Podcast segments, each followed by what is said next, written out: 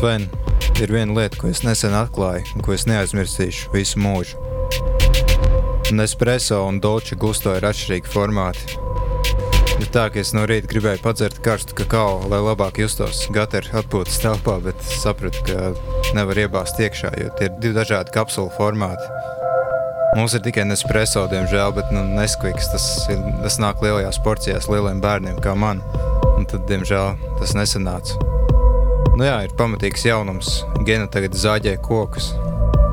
Un arī divreiz sanāca pāri nogriezt pirkstus rādītājiem vidējo. Un tāpēc ir, bija tik maz rakstu lapā, un tāpēc arī tik maz spēlēja, jo vienkārši pirksti nestrādā.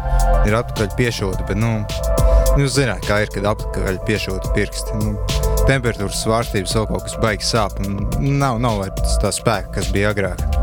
Bet, nu, podkāstu ierakstīt tas netraucē. Pēc ilgāka laika klāt ir bezcerīgais 16. sērija. Fen, kas tev jauns? Es sapratu, ka tu esi iesaistīts kaut kādā minoritāšu aizsardzības pulciņā. Pastāst vairāk. Ogļrači. Ogļrači ir ļoti neliela minoritāte Krasnojarskas apgabalā, tāpēc jā, man jāizsargā viņu intereses pret nospiedošo heteroseksuālo metālurgu vairākumu. Jā. Tu teici, ka tu nozāģēji tikai pirkstus. Nu, labi, ka tikai pirkstus, ka ne, tikai, ka ne to priekšmetu, kādēļ tev paliek bikses šaurākas reizēm redzot tās sievietes video spēlēs. Jā, tīpaši, kad iedzer kakao. Nē, tu par tām orģijām minēji. Es jau vispār gribēju to bišķi pieklusēt, bet tu visu atklāji, visas kārtas. Zigā, tagad bija viss tas hujovits, vēl kaut kas, un uh, slimnīcas ļoti noslogots, ļoti noslogots pēdiņās. Un daudz stāstīja, ka vispār palaisti atvaļinājumos piespiedu un tā tālāk. Vienkārši nav ko darīt. Nu, tad slimnīcas diezgan tukšas. Un tur notika šādas tādas uh, ballītes, um, masku balles. Ja esat redzējuši Stanley Kubrika pēdējo filmu Aizvaid Chat, kaut kas tam līdzīgs, bet nu, uh, bija nevis bafometa maskās un tam līdzīgās, bet uh, kaut kādās nu, medicīniskajās maskās. Bija tādas tematiskās seksa ballītes, un, zin kā, kad uzvelk to stulbo medicīnisko masku, nevar normāli pēlpot, elpo atpakaļ savu ogļskābo gāzi. Uzvelc uz divas tādas maskas, un tu jau bišķi tā kā sāk grozīties galvu, griezties, un tad, tad, kad tev ir klimaks, tad ir īpaši pastiprinās tas efekts, un jā, tas bija, es gan tur nomaucos, gan arī nolauzu kaut ko, jo es biju tik apreibis no ekstāzes, bet vispār labi. Vēl bija tāda interesanta aktivitāte, zin, kā jāiemēro divu metru attālums. Un tad uzmauc tādu cauruli uz savu daiktu virsmu un tu izmanto divu metru attālumu, lai ievērotu tas tātad vakara tu uz, spēle. Tu savu daiktu uz caurules vai cauruli uz daikta? Nu, tu tā kā uzmauc virsū. Tas ir tā kā tāds paplašinājums, pagarinājums. Tad to izmanto. Nu, tā, tā, tas tāds prikals, zin, kā mums augstākajiem, augstākajiem sabiedrības slānim, gatara darbiniekiem. Nu, es nezinu par kādām orģijām tur runā, bet es runāju par Bībeles lasīšanas orģijām Svētdienas skolā, kur mēs lasījām Bībeli līdz mēs vēmām asinis. À, tā kā lai izjustu Kristus sāpes, kad viņš tika pie krusta piesists. Ja? Jā, nu, tu tā kā mazliet par daudz too much information, bet nu. Jā, man, man tāds cilvēks saka, ka es tāds pārāk atklāts, pārāk daudz runāju taisnības. Ir tīpaši šajā podkāstā, kur nekas nav izdomāts un viss ir pilnīgi patiesība. Jā, tad mēs varam sākt. Es domāju, ka iepriekšējā podkāstu komentārus tos pataupam saldiem ēdienam. Tas bija tik sen, ka Jā. tie pat vairs nav patiesība. Jā, viss mainās trīs mēnešos. Tas, kas bija īsts, tas vairs nav. Bet mēs varam ķerties tradicionāli pie tā, kas ir spēlēts. Un, uh, es domāju, ka parasti mēs atkal sākam ar tādu atskaiti, nelielu balss iesildīšanas treniņu ar uh, spēlēm, ko mēs spēlējam diezgan uh, regulāri tāpat vien. Un tad es sākšu uh, Genādijas ar, protams, asfaltam 9. Vēl aizvien es to sūdu spēlēju, bet tagad tikai pa pusstundai dienā. Lai klubam vienkārši palīdzētu ar tiem ikdienas uzdevumiem, savākt un tā tālāk. Bet nu, tāda īsti investēta es vairs spēlēju, neesmu. Man vispār nav nekāda prieka spēlēt. Viens un tas pats. Laba spēle, jā, bet cik tu ilgi spēlēsi? Un, vēl es iegādājos speciālu pulti switcham ar vadu, kam ir funkcija turbo un autofire. Tas, nozīmē, tas ir domāts kā veciem kaut kādiem šmapiem, šūtiem apiem, kur tu lido lidmašīnā, lai tev nebūtu visu laiku jāspēj poga. Tu nospied vienkārši tur pogu un tad uh, pults savā vietā kā spaida. To funkciju var izmantot, lai grindotu reputācijas punktus uh, daudzspēlētāju režīmā. Nu, klubam palīdzētu sasniegt kluba mērķus un tā tālāk. Kopš iepriekšējā podkāstā ir bijuši vairāki special events. Bugatti Šīro un beidzot dabūja vēl visu kaut ko. Uh, tad šobrīd mans mērķis ir pabeigt karjeras režīmu 100%, kas nav iespējams.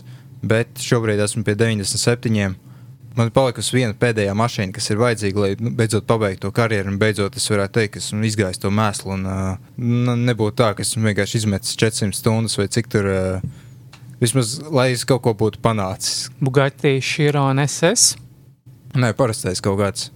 Bet tā ir ātrākā mašīna, spēlē šobrīd tas bija special event.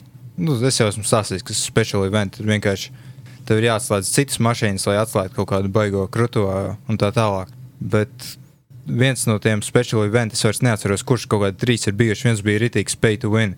Tā ka, ja tu nemaksā naudu, nu, nevar progresēt. Tā, tas bija ar McLaren sēnu. Ja tu netērē naudu, tad tu vienkārši apstājies, atduries atkal to Bugatti, un kas tagad tur iet kaut kāds Ferrari, La Ferrari, Aperta. Tad vienkārši ir jāatslēdz mašīnas, jāinvestē daudz eh, žetonu un naudu, lai uzlabotu tā tālāk. Nekas daudz nav mainījies. Es vispār brīnos, ka man kluba biedri vēl aizvien nav noguruši no tā visa, ka viņi turpina spēlēt. Laikam viņiem nekā patiešām cita labāka nav dzīvē, ko darīt. Tad es uzspēlēju vēl vienu sacīkšu spēli uz Nintendo Switch. To es spēlēju tikai vakar, pirmo reizi. Bija beidzot tāds brīdis, kad nebija ko darīt, kad uh, bija brīva diena no Gatera. Tad es apsēdos vienkārši paspēlēju Gear Club Unlimited 2, kas arī ir sacīkšu spēle. Notiek slēgtās trasēs, bet pa tādiem nu, ielu posmiem, tā teikt, bez satiksmes un tā tālāk. Es jau esmu stāstījis par pirmo Gear Club Unlimited kaut kad pirms diviem podkāstiem. Uh, ļoti vecmodīga, tāda 26. gada sākuma sacīkšu spēle.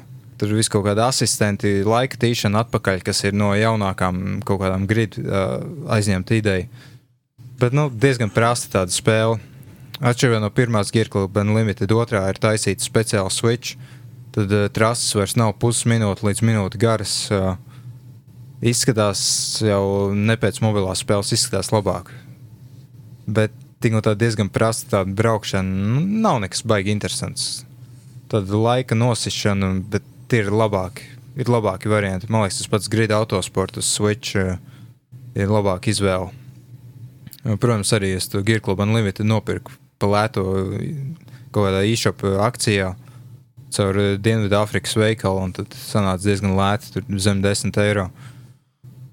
Tā, nu, cik es tur divas stundas esmu paspēlējis, liekas, ok lai gan ir mašīnām tendence kaut kā jocīgi uztaisīt izslīdēšanu, saķeres zudumu. Pilnīgi aiziet kaut kādā 360 grādu, tur vispār nezinu, bet nu labi. Bet tā vienkārši spēle, ko klausīties, kam fonā klausīties mūziku vai podkāstus, tāpat vien. Es domāju, ka tagad mēs varam turpināt ar Fena ikdienas spēlēm, ko viņš turpina spēlēt. Es tādu MMO skatos, tur Elder Scrolls Online, uh, Final Fantasy 14, un tagad ir jaunums uh, Sword Art Online. Kā tur bija tas likoris, likoriš, lakrits, jā? nu, jā, par spīti savu nosaukumam, Sword Art Online nav MMO. Ah, tas vienkārši. Tas man vienmēr ir mulsinājis. Jā. jā. Uh, nu, jā, tad sākšu ar MMO. Nu, vēl aizvien spēlēju to pašu nelaimīgo Final Fantasy 14. Esmu gan tikai pirms nedēļas atgriezos pēc ilgāka pārtraukuma šajā spēlē.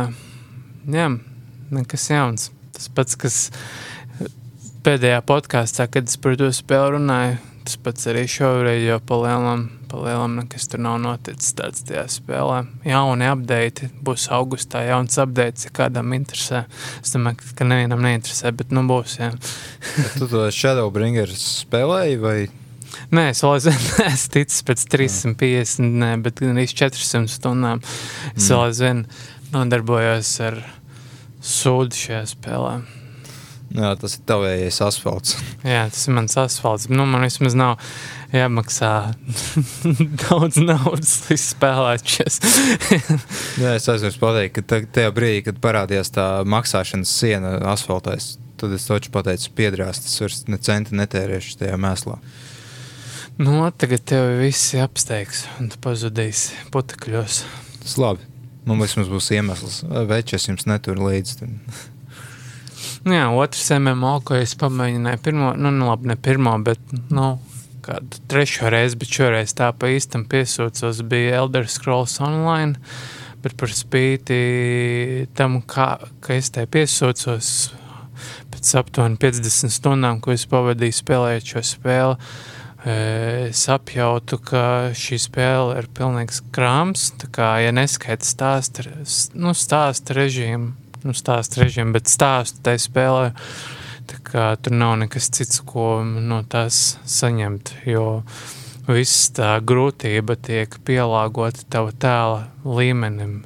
Piemēram, ja tev ir pirmais līmenis, tu vari iet to pašu kvestu ar tādu pašu grūtību, kā to pašu kvestu iet cilvēks ar 50. līmeni. Līdz ar to nu, tev nav nekāda tā izaicinājuma sajūta. Tu vienkārši ķekši pēc aizēju patērē laika kaut ko nositot vai kaut, kur, kaut ko darot. Bet, nu, jā.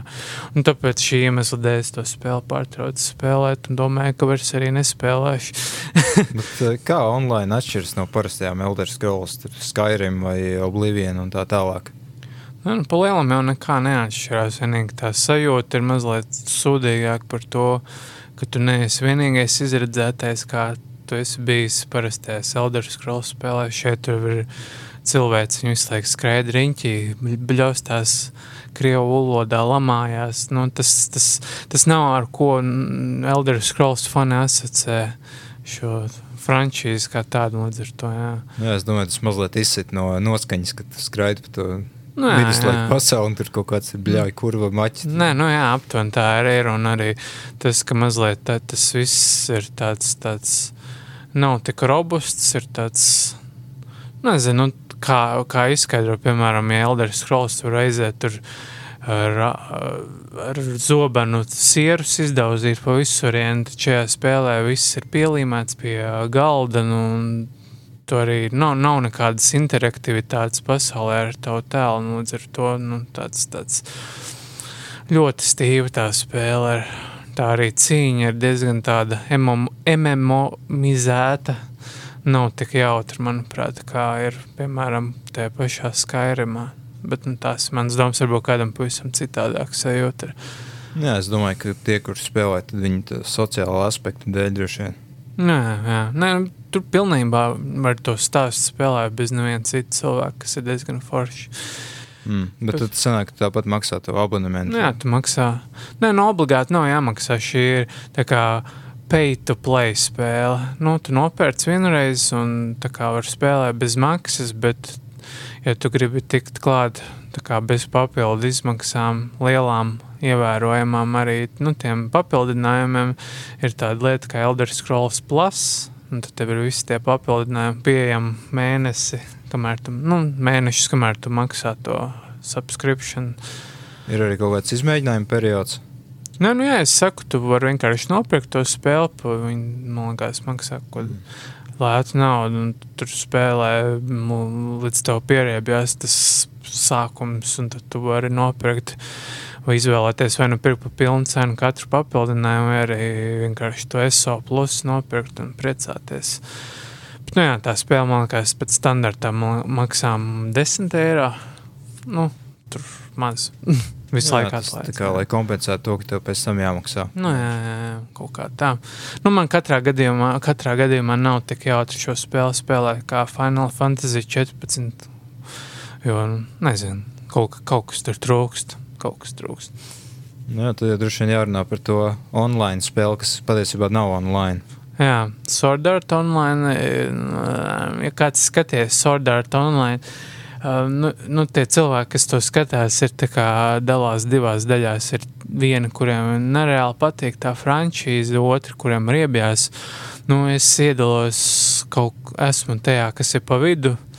Man patīk tā ideja, man pir, patīk pirmā sezona, var pēc tam katra nākamā sezona. Nu, jā, vispār sākšu to, ka šī spēle ir uh, bāzēta uz uh, TV seriāla un mangas, kuru ir izgatavojis viens Japāņu kungs, kuru vārdu uzvārdu šobrīd neatcerēšu.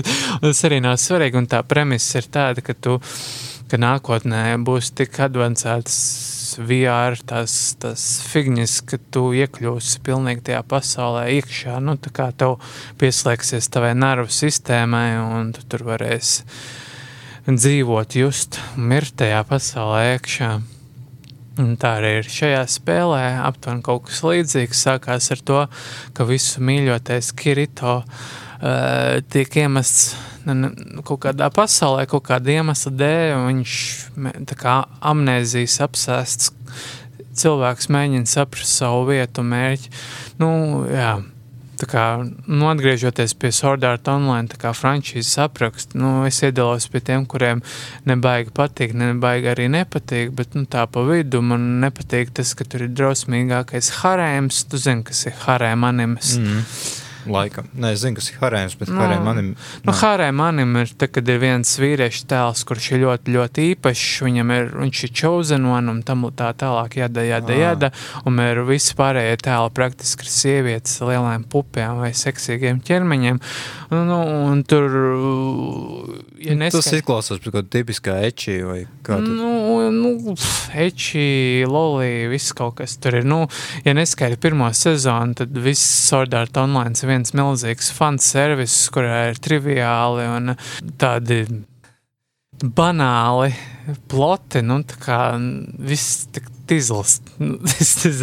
bet, nu, jā, stilīgi tie pašā laikā iedomāties, ka kaut kad nākotnē kāds ir iedomājies, ka kaut kas tāds būs. Nu, jā, nu, es paspēlēju pāris stundas šo spēli uz datora. Um, kā dzirdēju, arī šī problēma ir arī pārējām konsolēm, nu, ne pārējām konsolēm, bet konsolēm, uz, arī uz kurām šī spēle ir.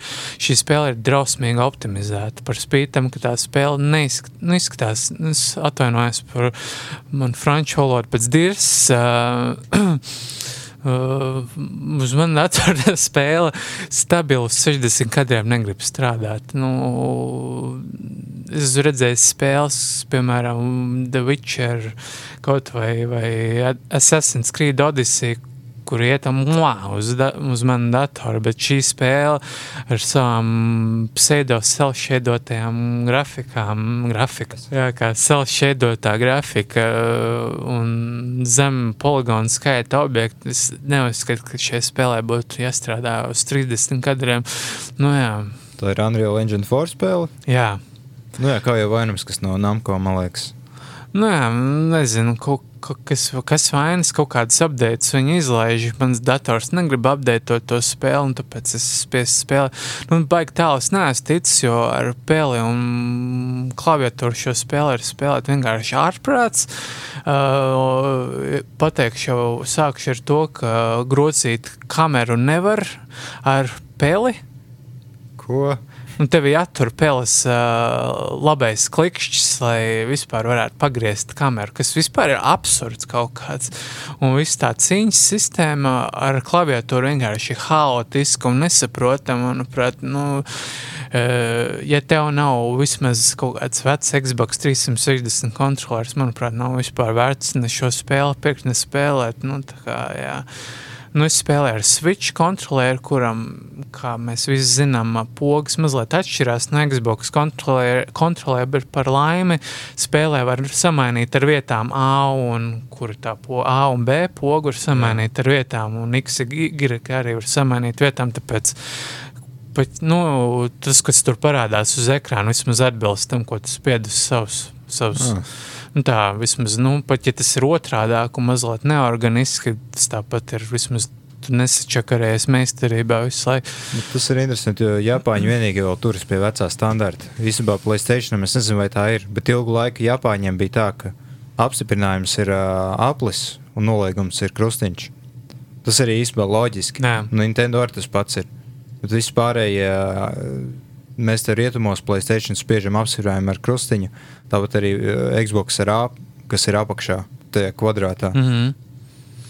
Ir, ir tā, jā, otrādāk pavisam. Piemēram, ja tu esi binžojis switch spēles kaut kādu laiku un pēkšņi pārējai uz kaut kādām rietumu spēlēm, piemēram, uz Playstation, un tu tev pēkšņi pavisam citu pogu iespiež, lai izdarītu tieši tās pašas darbības, tas liekas mazliet dīvaini. O, jā, pazīstams sajūta. Jā, nu es par Sword, Sword Art Online šobrīd neko baigi daudz nevaru pateikt, jo... Pagaid, tas ir action RPG vai nu, kas tas? Jā, nu tas ir tāds, tas ir ARP, ARPG, īsti JRPG, tas vairs nav, tur viss ir real time notiek, tā kā ļoti, ļoti, ļoti ļoti dīvaina tā cīņas sistēma. Man ļoti grūti ir ielausties uh, viens spēlētāja režīmu spēlē, kur jāspēj 50 pogas, lai izdarītu vienu funkciju. Kā, nu, jā. Tas ir kā spēlēt Final Fantasy 14 uz Playstation 4 kaut kas līdzīgs. Trīs pogas vienai funkcijai dīvaini. jā. Tad sanāk, tas online nosaukumā ir tikai tāpēc, ka anime ir jā, nosaukumā. Tāpēc, ka anime un manga ir Un tā, tā sākuma tā ideja bija, ka tu spēlē MMO VR pasaulē. okay. Un tur ir ļoti daudz fanservice un liela pupe. Tas, tas labi, jā. Tas es svarīgi. priecājos. Jā, jā. Tas ir svarīgi. Lēni aplausi. Tad uh, es domāju, ka mēs varam ķerties pie nākamās lietas sarakstā. Infamous Second Sun. Es neatceros, kaut kad dziļi Hujovidu laikā spēlēju, man liekas, kaut kādā aprīlī vai maijā. Uh, Uh, vienkārši gatavojoties Ghost of Tsushimai, es beigās tā īsti nespēlēju, bet nu, tas to vēlāk atstās. Jā, Infamous tā ir sērija par supervaroni, kurš var būt gan labais, gan sliktais cilvēks. Tava rīcība uh, nosaka, kur te, tu morālajā kompasā atrodies. Uh, šoreiz Second Sun tā ir daļa, pirmā daļa uz Playstation 4. Un īstenībā vienīgā, ja mēs neskaitām to standalone DLC, ko Fennis spēlējis. Uh, Viss notiek Sietlā, ASV pilsētā, kas pēdējā laikā ir daudz bijusi ziņās, jo tur viss kaut kādas autonomās zonas un tā tālāk. Tur visādi antifašisti maršē. Un uh, Black Matter, Black Lives Matter uh, cilvēki.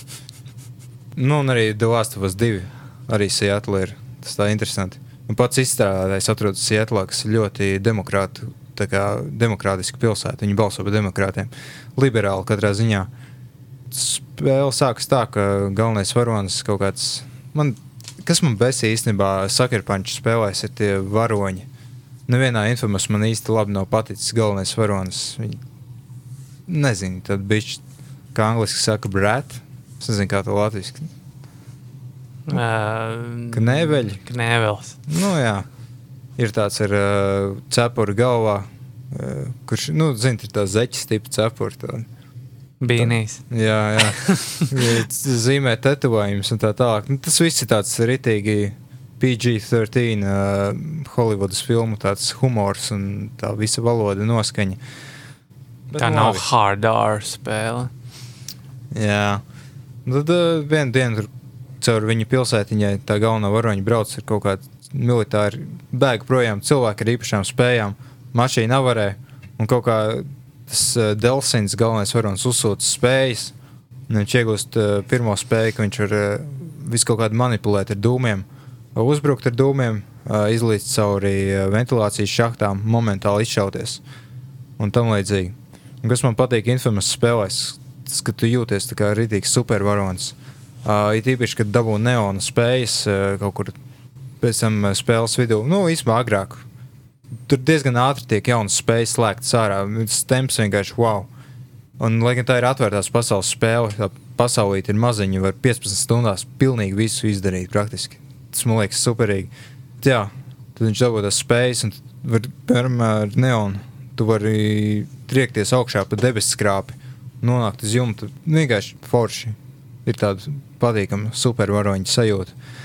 Bet nu, spēle, spēle ir laba. Nu, kā jau saka, ir panču spēles, man liekas, nekāds 9 no 10, 10 no 10 nav. Nekas tāds baigi īpašs. Vienkārši laba spēle, kvalitatīva. Man patīk, ka tā pasaulē ir maza. Un uh, starp stāstu uzdevumiem, kā var pavadīt laiku, tas atgādina man uh, Just Cause 3, piemēram, ka tev ir tādas nelielas zoniņas pilsētā, kuras to atkaro no uh, lielajiem ļaunajiem. Uh, autoritāriem spēkiem. Es tur pat īsti labi to sižetu neatceros. Nu, kādā ziņā pilsēta ir tādā zem diktatūras kaut kādas. Tur ir uh, kontrola punkti pa vidu parastiem iedzīvotājiem un tā tālāk. Cīnās par tiem spēkiem, mm, visu kaut kādas grafitī zīmē, iznīcina novērošanas kameras, atkaro posteņus un tā tālāk. Bet tas viss ir tik viegli, tik plūstoši. Tu vienkārši traucies caur pilsētai, tu nejauši kaut vai uzduries kamerai, tu sašāji. Un tas man pietrūks daudzās atvērtās pasaules spēlēs, ka, jo man liekas, ka vairums ir rītīgi viss stiepjas garumā. Un tā ir tāda kompakta, maza pasaulīte. Lai gan tur ir transporta līdzekļi, kas pārvietojas pa ielām, uh, reāli nepietrūkst vajadzības braukt ar mašīnu vai vēl kaut ko. Jo tu vienkārši vari traukties cauri pilsētai ar savām jaunajām spējām, ko attīstīt un tā tālāk. Un sižets ir pieskaries kaut kādām tādām uh, nedaudz sāpīgākām tēmām. Tur ir varbūt narkotiku lietošana un vēl viss kaut kas ko es īsti negaidīju. Bet man liekas, ok, jā, kāpēc gan ne? Nu, otrais dēls gadījumā nav viena no pirmajām, viena no pirmajām Playstation 4 spēlēm. Jā, tā ir. Un nav tā, ka Ghost of Tsushima ir arī viena no pēdējām Playstation 4 lielajām ekskluzīvu spēlēm. Tas ir ļoti interesants punkts, ko tu pateici. Jā, un sakarpanči tā kā atver un noslēdzēja. Ar... No Playstation 3 gadiem gan tā nebija. Pirmā informācija salīdzinoši vēl parādījās kaut kāds 9. gadsimts to es izgāju. Tā bija uh, problēma tāda, ka visa tā pasaule bija ļoti pelēka, brūna. Nu, kā jau 2001. dekādas otrajā pusē raksturīgs, viss bija tāds ļoti tāds tumšs. Tāds. Zeltenīgs. Jā, laikam viss ga ga gatavojās 2012. gada uh, pasaules galam vai kaut kā tam līdzīga. tā ir mana versija, es nezinu, kā ir.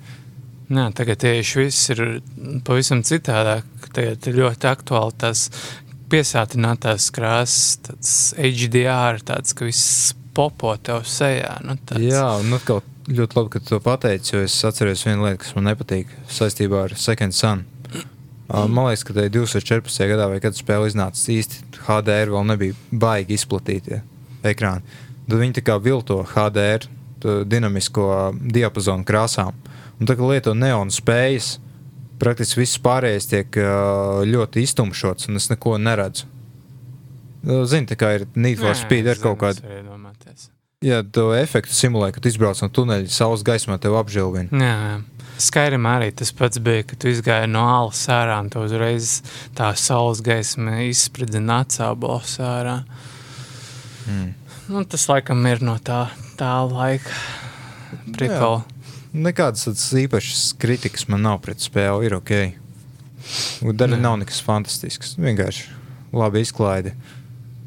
Pagaid, tu pats spēlēji to standalone DLC, to second light vai kā tādu first light. First light, second light, third light. Nu, jā, es spēlēju, un visu, ko es, visu, ko es atceros, ka tas, ka Viss bija tāds, tāds plūs, plūstošs, nebija tāda kaut kāda saraustīta darbība. Man ļoti patika, ka varēji tur, es neatceros, vai tur varēja lidināties, vai es nejaucu pašu Second Sun kaut kādu iemeslu. Second Sun varēja lidot Jā. ar video prasmi, viena no pēdējām.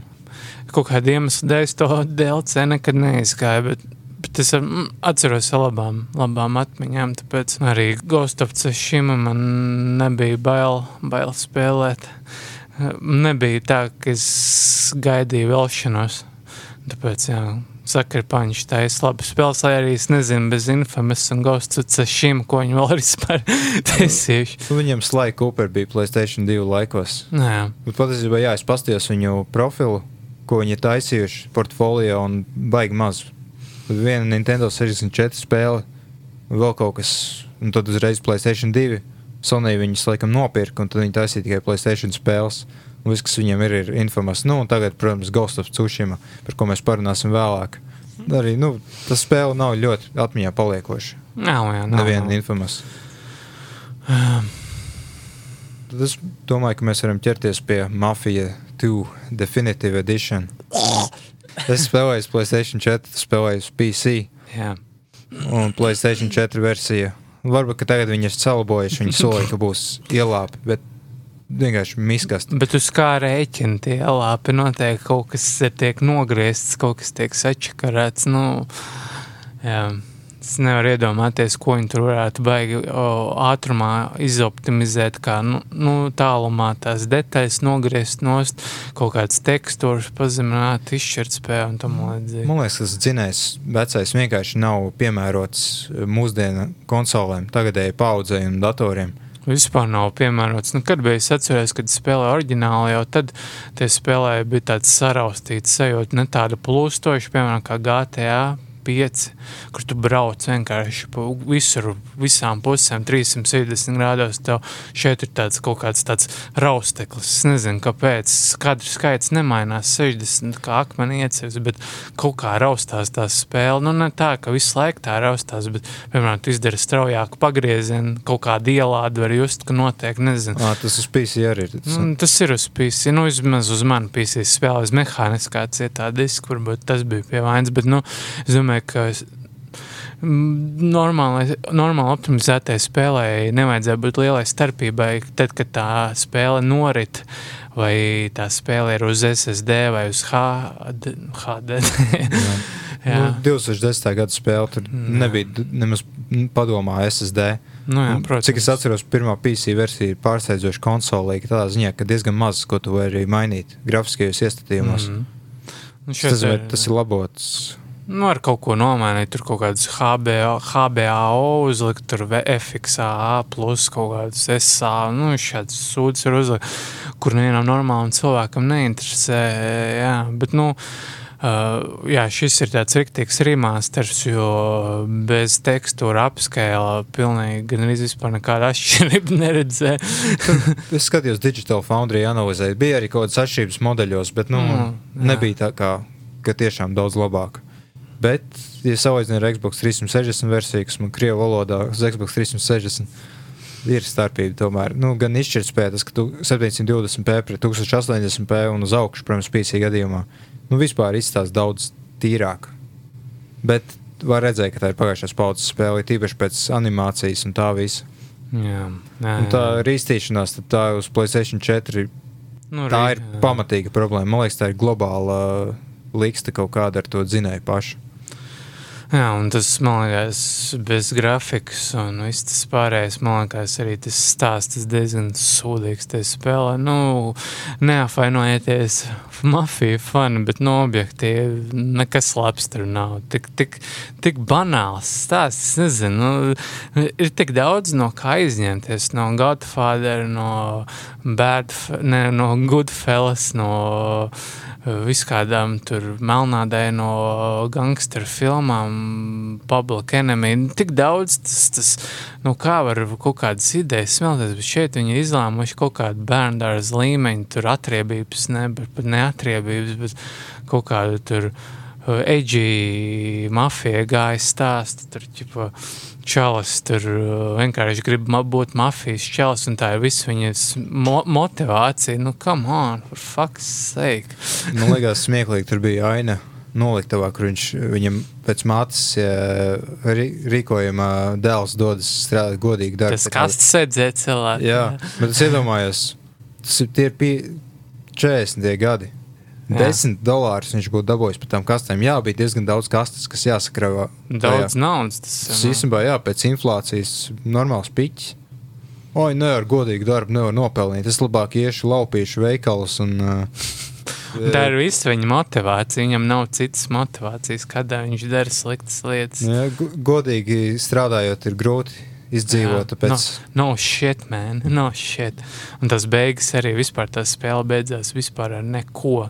Mm, tur ķipa apšāja visu to mafijas ģimeni, tev tur, nezinu, aizved. Un to tavu draudziņu ķipa tur viss. nu, labi, ne nomoši, bet nu, tā ir tā ideja, kā tas tiek pasniegts. Nu, come on! Nu. Bet jāsaka, viens gan, kas man patīk, spēlē, ir vienkārši tas attēloties laika periods, man liekas, 40, 50 gadi, kad Amerika bija tieši pēc kara.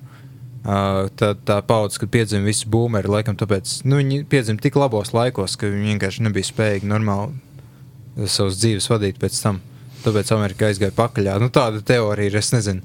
Bet, nu, tas bija viens no augstākajiem punktiem Amerikas uh, ekonomiskajā izaugsmes uh, ziņā.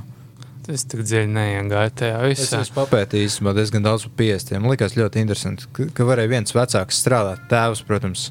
Viņš varēja uzturēt visu savu ģimeni. Mātes sēdēja virtuvē pie saviem traukiem un bērniem. Bet bija laba dzīve. Nu, ja viņi gribēja, viņi varēja piestrādāt kaut kādu ne, nepilnu slodzes darbu. Bet, protams, jā, tas bija labi, ja tu esi balts amerikānis. Atkal, ja tu esi kaut kāds ebrejs vai imigrants, itāļu vai vēl kaut kas, vai īrs, nu, tad negāja tik viegli. Vai, protams, melnais, nu, kā tur visi tie plakāti par melnajiem. When, when with the black, watch your back, nu, un tam līdzīgi. Tur arī diezgan laba detalizācija tajā pasaulē. Bija. Piemēram, man pa, ļoti patīk, kā tās mašīnas bija izstrādātas, ka tur viņas paliek netīras, viņas var sadauzīt, un visu laiku tu vari braukt ar to sadauzīto miskas triņķi. Uh, es, piemēram, mašīnu nevienu reizi nenomainīju. Arī tad, kad uh, viņš iznāca no cietuma, es braucu ar tos pašus sadauzīto mēslu, ko mēs sākumā nozagām. Man patīk, ka tur, piemēram, no izpūtē nāk ārā dūmi, tad, kad spiež gāzi. Un izgaismo bremzes. Jā, jā, jā, tas viss, nu, tā visa detalizācija man ļoti patīk tieši, bet, nu, kaut kā. Bet arī spēle labi parāda, cik sūdīgs mašīnas toreiz bija. Visas tas asbesta bremzes, vēl kaut kas. Jā, jā. vispār nevar nobremzēt. Tu tur ieskrienies uz 50 km/h. Tu mēģini nobremzēt. Labākajā gadījumā tu kādam dirzā iebrauc, bet sliktākajā tu tur pusi ciemata nobrauc ar to mašīnu. Tur vēl smieklīgs pretruns, ka tu vari braukt pa ietvi. Viss Jā, kārtībā. Pilnā ātrumā. Tu vari traukties pie sarkanā. Labi, tur būs kaut kādi komentāri, kas tu neredzēji, kas sarkanais. Jā, jā.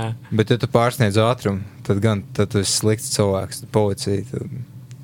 Man liekas, tur braukt pa ietvi uz 70 km/h un tev par policiju nepaskatīsies. Virsū.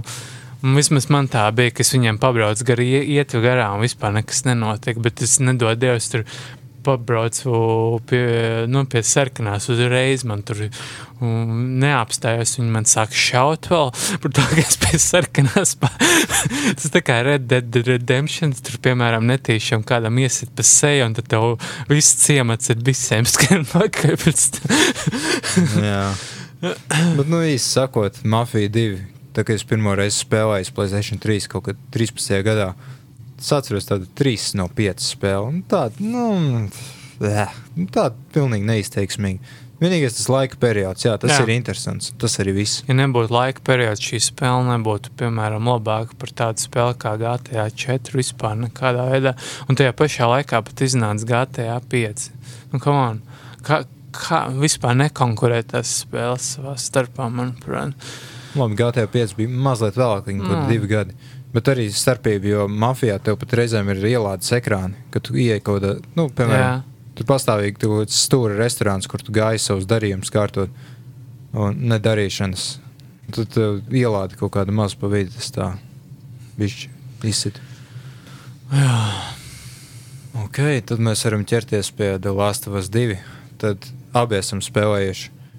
Tu gan laikam neesi ļoti tālu ticis, bet Jā, es čučims dēļ nu, tiku līdz galam tai sietlai, bet nu, tur bija, nu, zini, to vietu, kur uh, to zirgu uzspridzina Latvijas pāri tā vietā, un tad Ah. atdalās meitenes, un tad viņas tur pēc tam ar kājām tā. Nu, Es esmu tajā vietā. Nu, Tas īstenībā baigi agri. Tas ir, Jā. uh, tā ir tā vieta, pirms tev sākas tā neliela atvērtā pasaulē, Uncharted Lost Legacy stilā.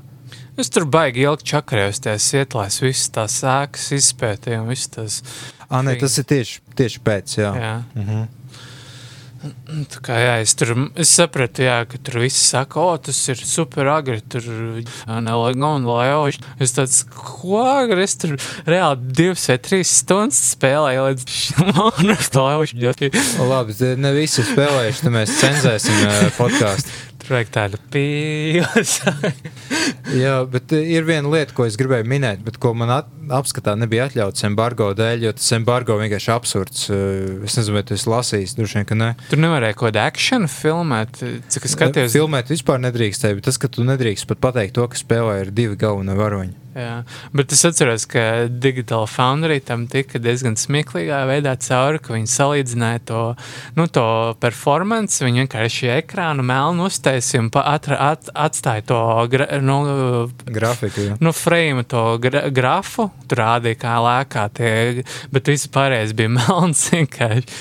Un tā kā, jā, tas bija diezgan tā atjautīgi izdomāts, manuprāt. Nu jā, daudz sūdzējas, ka, nu, diezgan stulbi.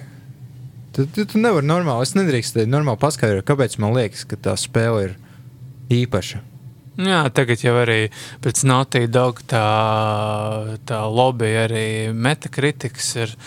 Tagad ir uzlicis embargo visām, visām spēlēm. Pirmajā dienā pēc izlaišanas nevar uh, lietotājs savus vērtējumus ielikt, kas ir nu, no vienas puses, jā, tāds, tāds nepamatots uh, review bombings nu, vairs nebūs, bet tajā pašā laikā uh, Um, tas kaut kā ierobežo to vārdu brīvību, manuprāt, nepamatot. Review bombings, man liekas, vienkārši tika atliekts, atlikts par pusotru dienu. Jā, tas jau neko arī baigt nu, tajā loma, lietā nemainījā.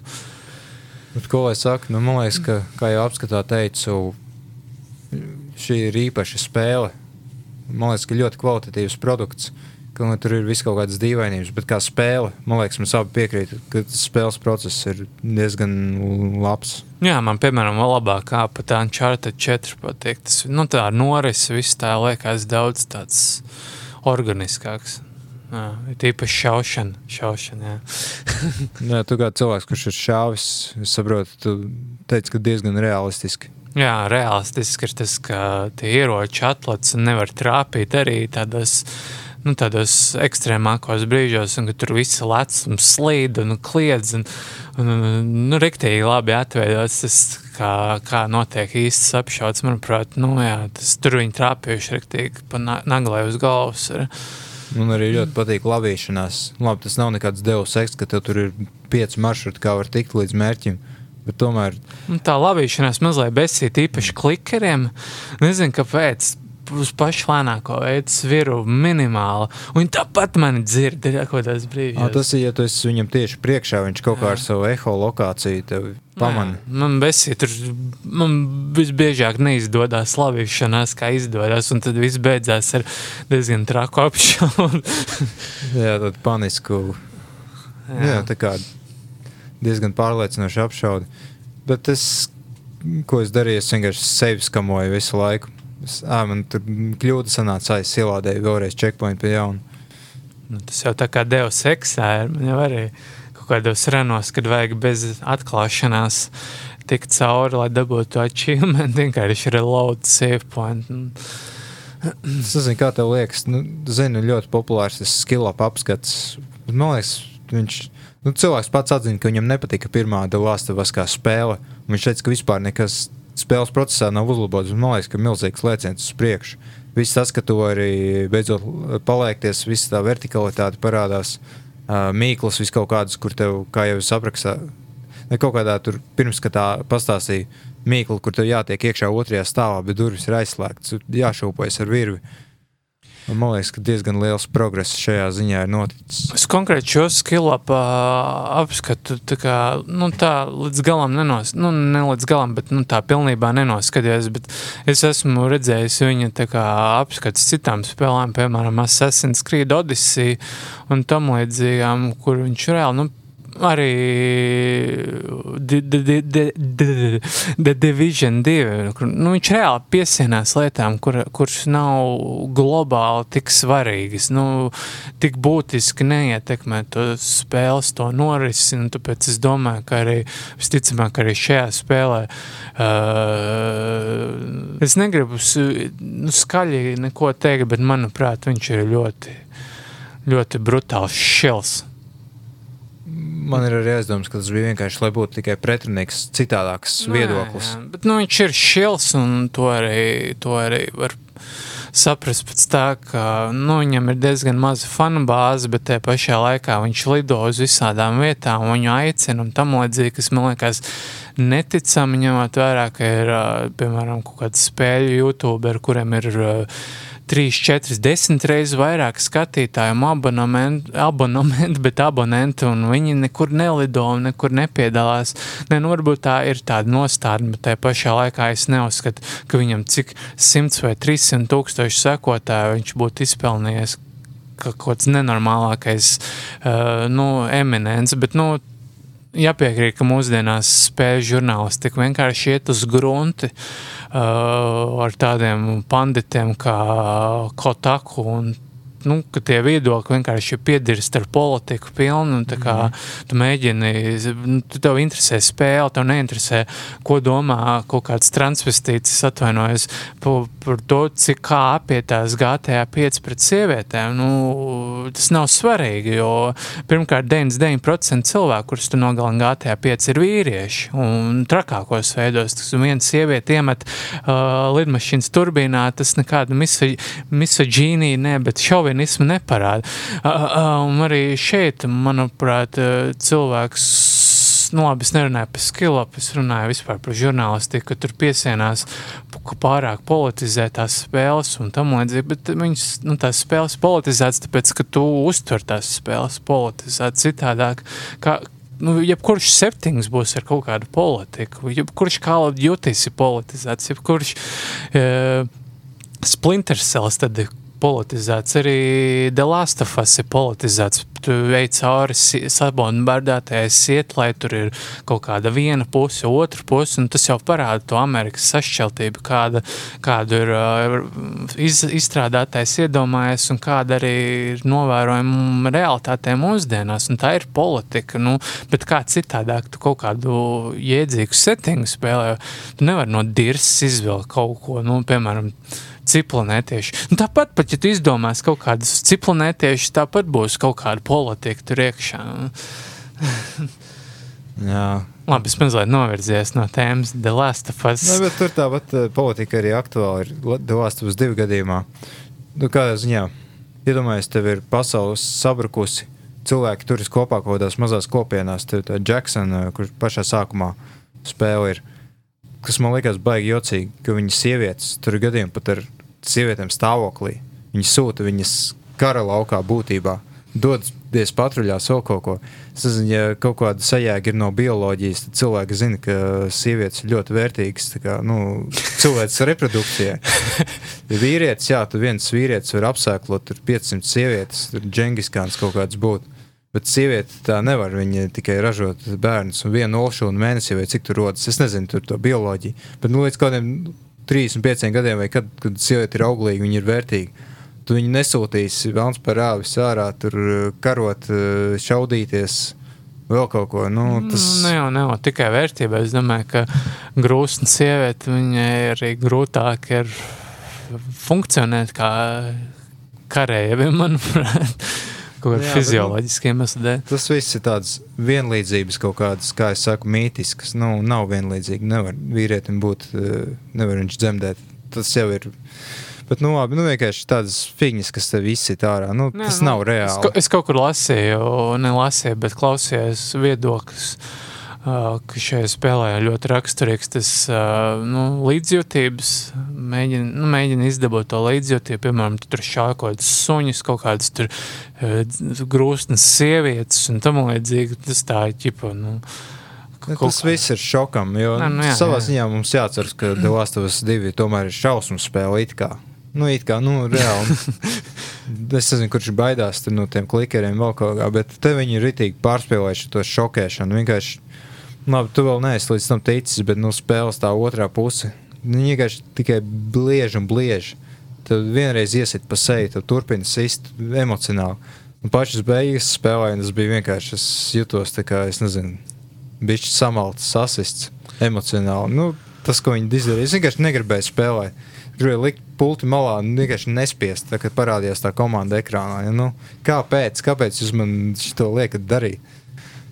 Tas ir es nezinu, nu, savā ziņā es piekrītu, ka Us 2 ir spļāviens sejā daudziem Us faniem.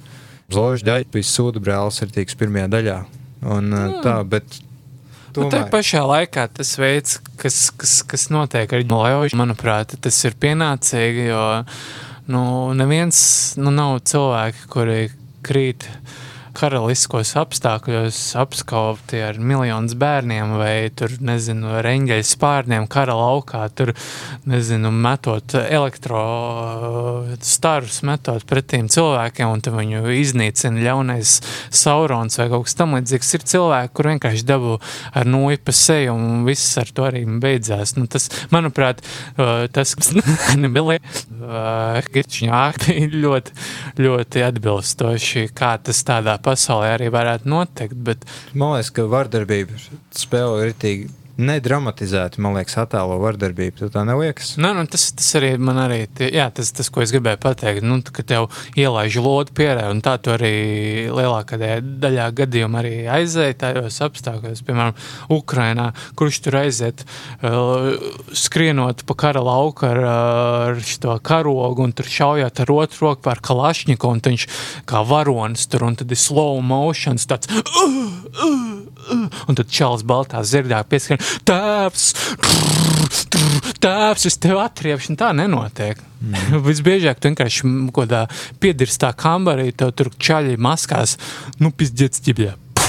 Un viss ar tevi to arī beidzās, tā dzīve. Nu, neviens pat par to neuzzina. mm.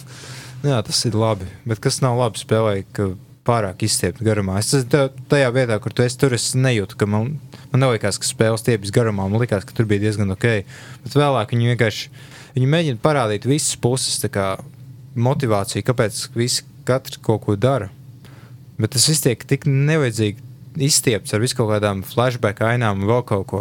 Spēlēju prasījos kaut kāds direktors skatu, kas apgriež ritīgi tos 25 līdz 30 stundas, ko vajag, lai izietu. Man liekas, ka laba ideja, izēja būtu bijusi tā kā līdzīga atsevišķām Resident Evil spēlēm, ka ir viena kampaņa no viena cilvēka, otra kampaņa no otra cilvēka, un tās kampaņas tā kā atslēdzās secīgi, tā, kad tu esi pabeidzis spēli, piemēram, ar Eliju, tu, tu vari arī spēlēt tur ar to muskuļaino sievieti un tā tālāk vēl joprojām. Nu, kāpēc tā nevarēja izdarīt un tās spēles pusēm sadalītos uzreiz automātiski?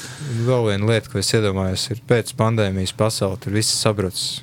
Kur, kur viņi dabū testosteronu un uh, citus hormonu steroīdus? Es domāju, ka visur tur jau pa labi kreisi. Nevienam jau vairs nevajag tos sūdzes. Viņi jau var kurā veikalā iet, viņi paņemt vienkārši. Kāpēc es domāju, ka viņi neuzskačājās vienkārši pie stieņa? Nē, es runāju ar cilvēku, kurš nodarbojas ar bodybuilding. Viņš teica, ka sieviete tā nevar izskatīties, ja viņa nelieto steroīdus. Vai tā? Jā. Es, es nezinu. Man, man nav nekādas pretenzijas par muskuļotām sievietēm, tāpēc man arī pret šo muskuļoto tēlu nebija nekāds baigi. Baigi man viņa nelikās. Nu, viņa likās tāda dīvaina paskata, bet, nu, nu kad nevar jau nevienu vainot par to, kā viņi izskatās, ko viņi nevar ietekmēt. Nu, jā, tur tas man vienīgi bija skrobi, ka tas izstrādāja speciāli padara cilvēkus neglītākus nekā ir. Bija kaut kāds salīdzinājums tai Dīnai. Tā ebreju meitenei ar uh, to, kā nu, viņa dzīvē izskatās aktrise. Viņa padarīja speciāli neglītāku. Vai tad? Nu, viņai vienkārši viņa nav make-ups. Viņai nav sejas mazgāšanas līdzekļi, nu, kaut kāds tur nezinu, sausā kāda. Es nezinu, ne, nu, es, es piesietos, ja viņiem būtu balti zobi visiem. tā kā tāda Hollywoods smaida visiem būtu.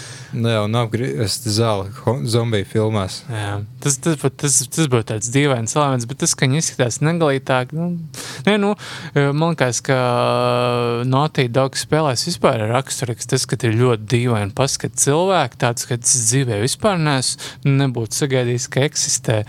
Tur, nu, tāds dīvains sejas formas un tam līdzīgi, bet man liekas, tas ir tāds Naughty Dog štiks.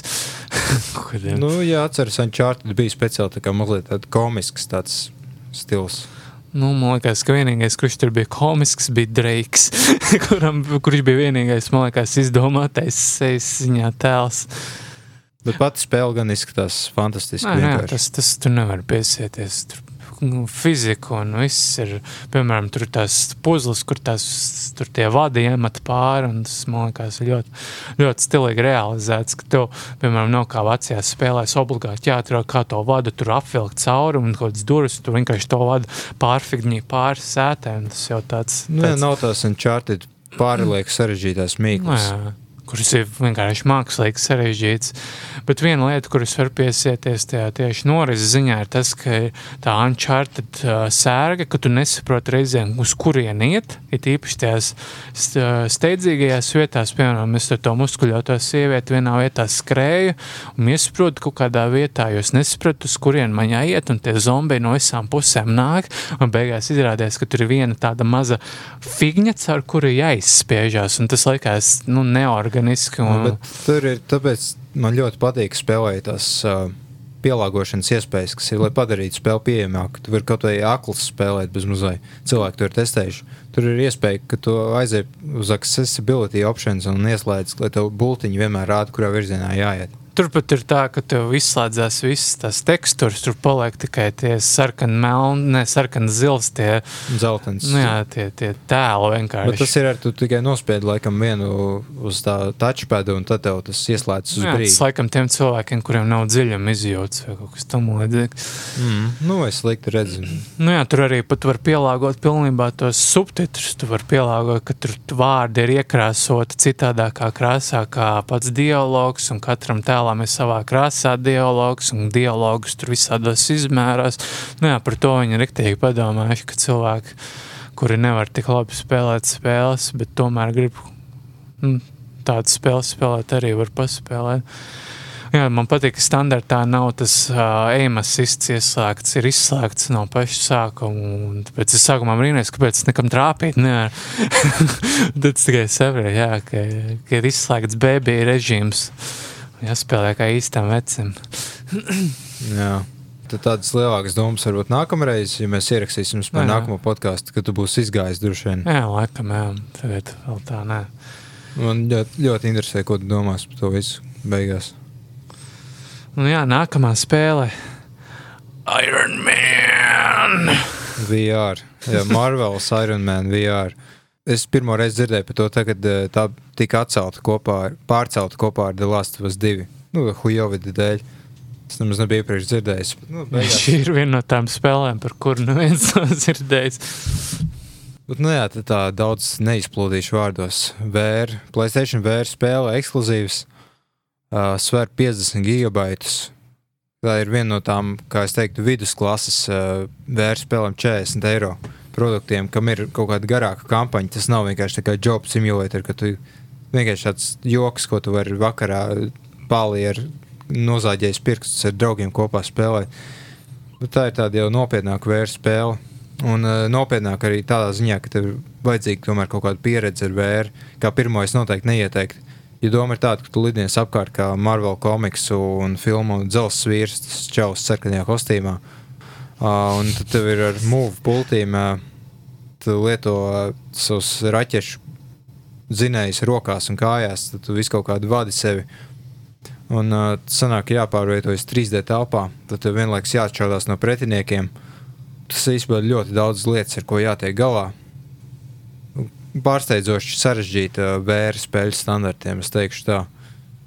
Kaut kas tāds, ko jau varētu ar pulti spēlēt, bet parasti Pārējais vēra nav tik, neprasa tik lielu ieguldījumu. Kas man likās par problēmu, tas spēlē, ka 50 gigabaitus aizņem, bet tur ir tik maz ko darīt. Tik daudz satura tiek atkārtots. Piemēram, viens līmenis, viena no teritorijām Šanhai laikam. Man šķiet, ka trīs reizes tur atgriezos. Katru reizi vienkārši bija citādāka misija, kā nedaudz pamainīts uzdevums, bet tā pati vieta. Vienā brīdī tu pret Hanu ķīniešiem, otrā brīdī tu pret Hongkongas ķīniešiem, trešajā brīdī tu pret mongoļiem tur šaudies.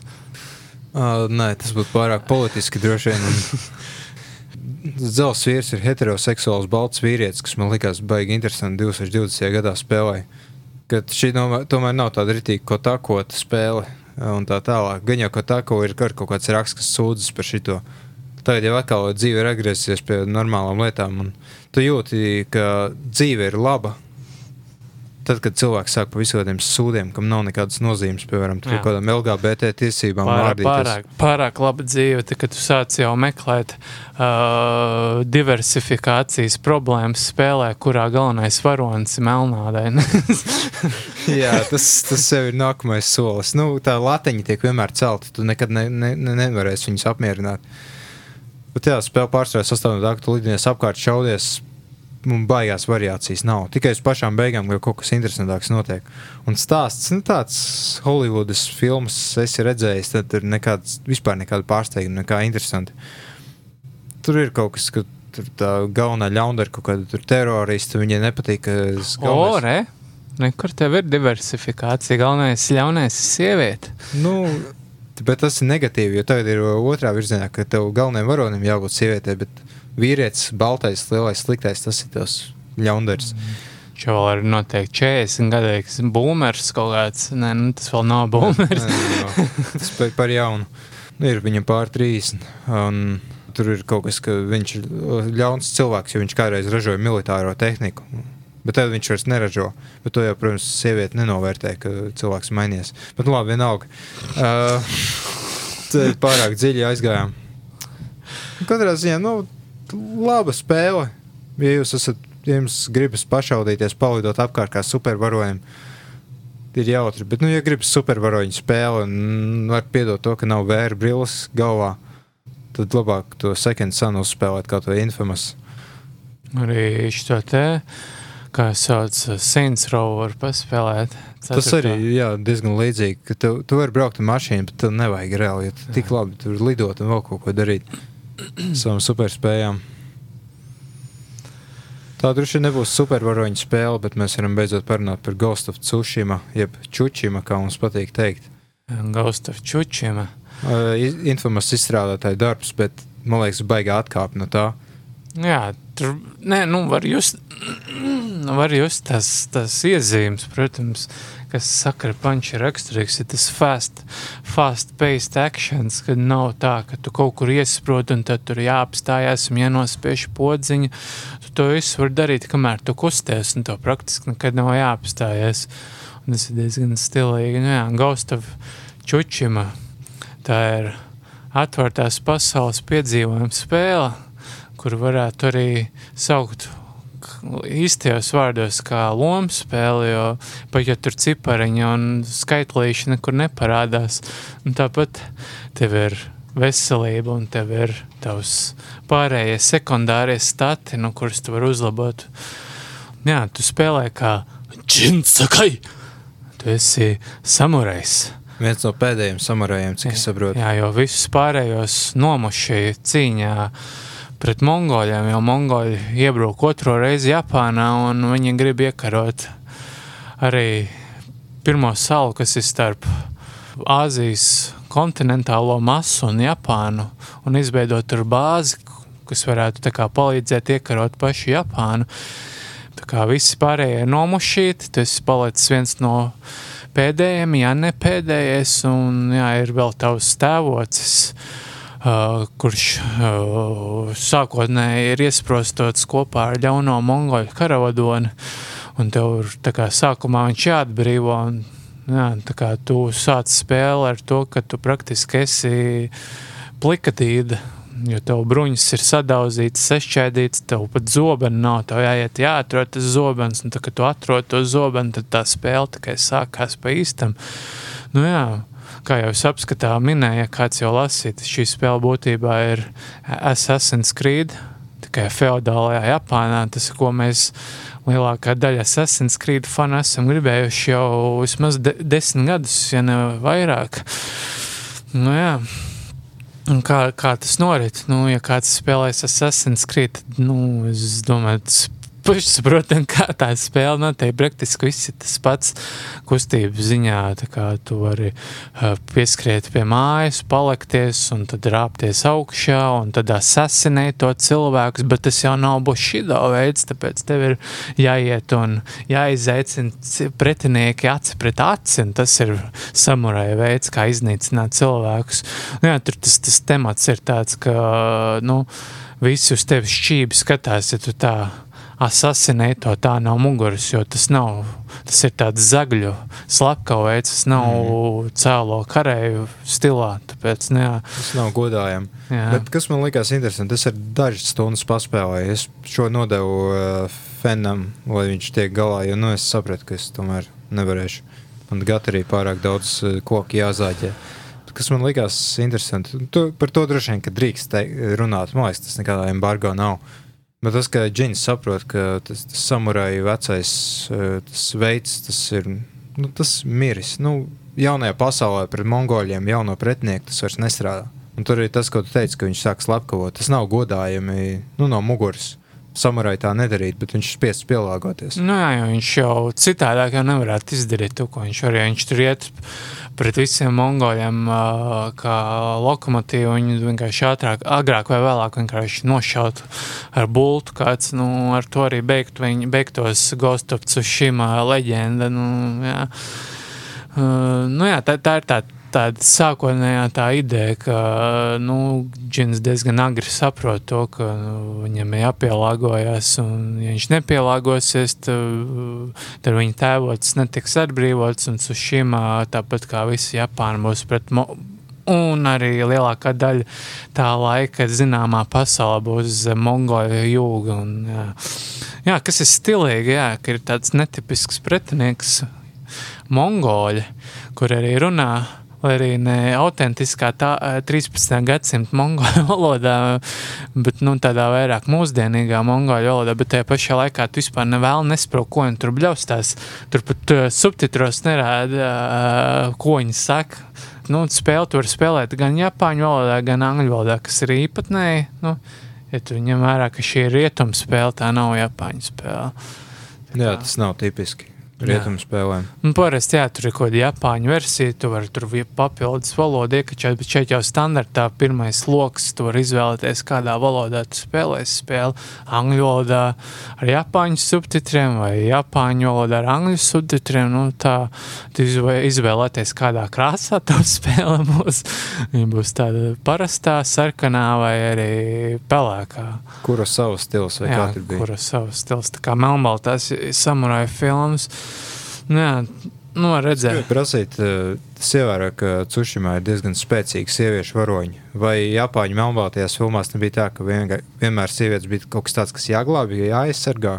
Jā, tur Japāņu filmās vienmēr bija diezgan liela daudzveidība. Ir arī sieviešu samurai, jeb ronini bijuši. Jo, nu, protams, feudālajā Japānā jau neviens sieviete kā samurai savā nu, savā pakļautībā neņem, tāpēc viņas vienmēr bija Ronina, kas ir tas pats samurais, tikai bez kunga.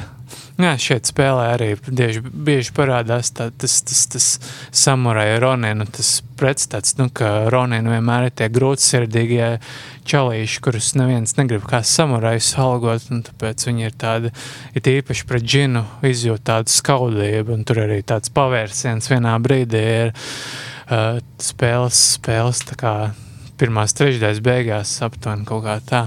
Bet, nu, labi, tas, tas nav tik svarīgi. Bet, nu, jā, tā cīņa, man liekas, ir pats tas svarīgākais tajā spēlē, ka, nu, tāds, nu, ja mēs, piemēram, runājam par Dark Souls, Demon Souls, Bloodborne un tam līdzīgām spēlēm, tad, jā, nav, nav tāda veida cīņas netiek. Viņa, tad, kad tās nu, Ghostaps uz šīm cīņa ir savā zenītā, viņa būtu grūtāka vai vieglāka, vienkārši citādāka. Jo, piemēram, Souls laiks spēlēs, tev vienīgais veids, kā izvairīties no uzbrukuma, ir vienkārši vai nu lēkāt riņķī vai ripuļot bezjēgā riņķī. Šeit tu vari atvairīt ar savu zobenu. Un, izvairīties un iedurt viņiem sānā. Nu, tas tāds tur visādi veidi nianses ir, kā tu vari atvairīt un izvairīties, un kas notiek pēc tam, kad tu, piemēram, vari aizlekt vai arī palikties mazliet no cirtienu, un viņam tā šņik mugurā iedurt ātri. Tas ir tā stilīgi, un arī stilīgi tas, ka tu, piemēram, te, kad tu ievadi uzbrukumu, tavs pretini, nu, tavs, ne, tavs pretinieks, bet tavs varonis pēkšņi nepārvēršas par tanku, kurš bez apstājas iet virsū. Tā kā tu esi ievadījis, tu vari pārtraukt uzbrukumu. Piemēram, džins atvēzējās, viņš jau grib sist, bet čalītis tev pretīm ar āmuru vai cirvi jau cērt ribās, tu vienkārši hop ar apli izvairies uzreiz, un tas ir, nu, tā daudzās spēlēs, ja vispār kādā es neesmu redzējis, ka tas būtu iespējams, nu, tā tik, tik dinamiski tā cīņa mm. uzreiz. Tu pieminēji Souls laiku. Jā. Spēle nav ne tuvu tik grūta. Nē, nē, vispār kopumā, ja tu spēlē, tad, tad, tad, tad nu, kā es pielīdzinātu grūtības pakāpē Assassin's Creed. Nu, tā ne grūta, ne pārāk viegla. Reizēm tie pretinieki ir tik advancēti, ka viņus nav tik viegli novākt, bet reizēm pretinieki ir piemēram, mapenēs, skrien un viss, kas viņiem ir, kaut kāds zobens sarūsējis. Nu, tāda arī ir. Tie, tur arī ne tikai pretinieks ir ne tikai mongols, bet arī tu pats cilvēks, ne, bet tur arī paši japāņu bandīti ir, kuri uzbruk mierīgiem iedzīvotājiem, izmantojot to, nu, to nemieru. Jā, un tā visa pasaule ir ļoti skaista. Nu, tāda, tu jau teici pats arī, ka tā nu, varbūt tas grafiski nav The Last of Us līmenī, bet jāsaprot, jā, mm. ka tā ir atvērtā pasaule. Tu nevari tādu detalizāciju panākt, jo vienmēr būs tāds. Jā, jā man bija problēma tāda, kas bija iepriekš spēlējis The Last of Us 2, kas ir nenormāli augsts standarts. Jā. Un uh, Ghost of Tsushima ne tuvu tik labi neizskatās. Nē, nu jā, jā, protams, tur nav. Tur, piemēram, var redzēt attālumā, ka ir koka kaut zemāk poligonu skaita vai zemākas tekstūras izšķirtspēja. Un, un, un, un, piemēram, tur pretinieki mutes, tur, nu, nu tās scēnas, kuras nav tās skriptotās, tur kustās, nu, primitīvi tās mutes nav motion captures. Man arī ir dīvaini tas, ka, piemēram, ja tu spēlē Japāņu valodā, to spēli ties scēnās, nu, lielajās scēnās runāju, domāju, tas mutes nekustās. Tā kā tu, ja runāt Japāņu valodā, viņas runā, kustās kā it kā varoņi runāt angļu valodā, un to var ļoti mm. labi redzēt. Diezgan tas izskatās dīvaini mazliet, bet, nu, uh, Man liekas, Jā. interesanti, ka tu uh, apskatā nepieminēji to, bet man tas likās tā neparasti. Navigācija, ka tev vējš pūš tajā virzienā, kur tev jādodas, kā būtu lapas. Nu jā, tev vispār nav mini-karte nevienā vietā. Ja tu gribi redzēt karti, tev ir jāpauzē spēle, un jā, tas paņem laiku. Bet jā, visa navigācija notiek tā, ka tu ieliec tajā kartē, uz kurien tu gribi aiziet, vai ko tieši tu gribi, piemēram, atrast. Ja tu gribi atrast, piemēram, kaut kādus tur punktus, un tad tev vējš automātiski meklē tuvākos punktus, un tad tu vari ar to Playstation uh, 4, to Dual Shock 5, 6, 30 to touchscreen, bet touch, paneli. Jā, paneli uz augšu pa, uh, pa, pavērst, un tad vējš parādās mistiskais ceļu vējš, kurš tev ievirs pareizajā virzienā. Uh, Jā, un to, to, to paneli diezgan daudzveidīgi izmanto spēli, piemēram, tur paklanīties. Bet vai bija tev tāds uh, Red Dead Redemption 2 situācijas, ka tu devies uz savu mērķi, bet pēkšņi atklāji kaut ko interesantu? Jā, wow. visu laiku konstanti. Tā ir atvērtās pasaules sērga. Tu vienkārši skrienu, skrienu, un tad pēkšņi no kurienes parādās tas dzeltenais putniņš, kurš ir līdzīgi kā vējš. Ja tūmē ir kaut kas interesants, tad viņš tevi aizlidina kaut kur, vai ir tās lapsiņas, kuras arī tev aizved līdz arī svētvietām, un visu laiku kaut kā novērš tavu uzmanību, tas ceļš uz to gala punktu, pat ja tie ir kaut kāds kilometrs, pusotrs, parasti aizņem 20 minūtes. jā. Nu jā, kopumā laba spēle.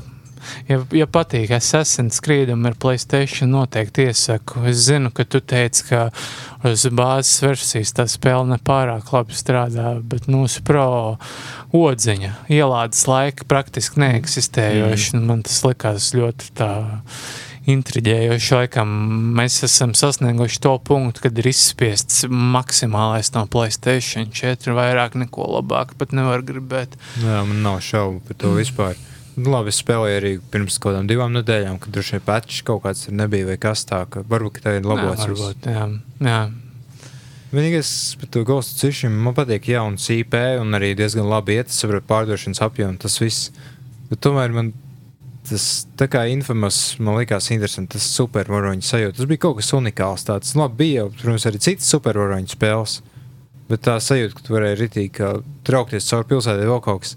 Ghost of Tsushima tā nav. Viņi vairāk tādu tradicionālu, kā tu teici, tāds Assassin's Creed. Nu, jā, jā. Nu, jā, tur tas uzsvars ir uz cīņu. Jā, tur viss tas, viss tas te tehnikas, kas tur ir iebāzts iekšā, tas ir, nu, Es nezinu, otra tāda spēle, kur būtu tik detalizēta cīņa. Esmu spēlējis, manuprāt, pēdējā laikā vispār. Nu, un tik labi realizēta katrā ziņā vispār nav otras spēles. Nu, par, par tajā ziņā varbūt to atvērtā pasaule ir, nezinu, citas spēles, kuras ir tādas, kur pilnīgi dirzt biksēs gribās, piemēram, The Witcher 3, tur tā pasaule ir daudz advancētāk, un tie site story arī advancējās daudz stilīgāk, tu tur var pieiet tūkstoši veidos, bet, nu, tāpat šajā spēlē es vienkārši sēžu kā atkarīgais klāt, kas man bieži nav, nu, man nepiesaist daudz spēles, tā kā es tagad pie čučims esmu pielipis. Nu, forši,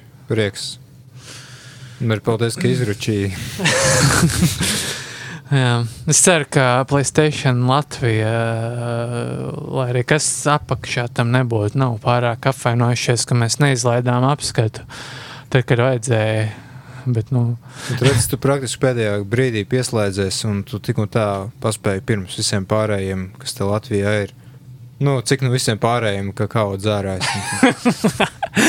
Paspēji uzrakstīt apskatu. Jā, viņš, viņš teica, ka nav forši. Viņam patīk tikai fizika. Vai kaut kas vēl. Nu, ok, jā.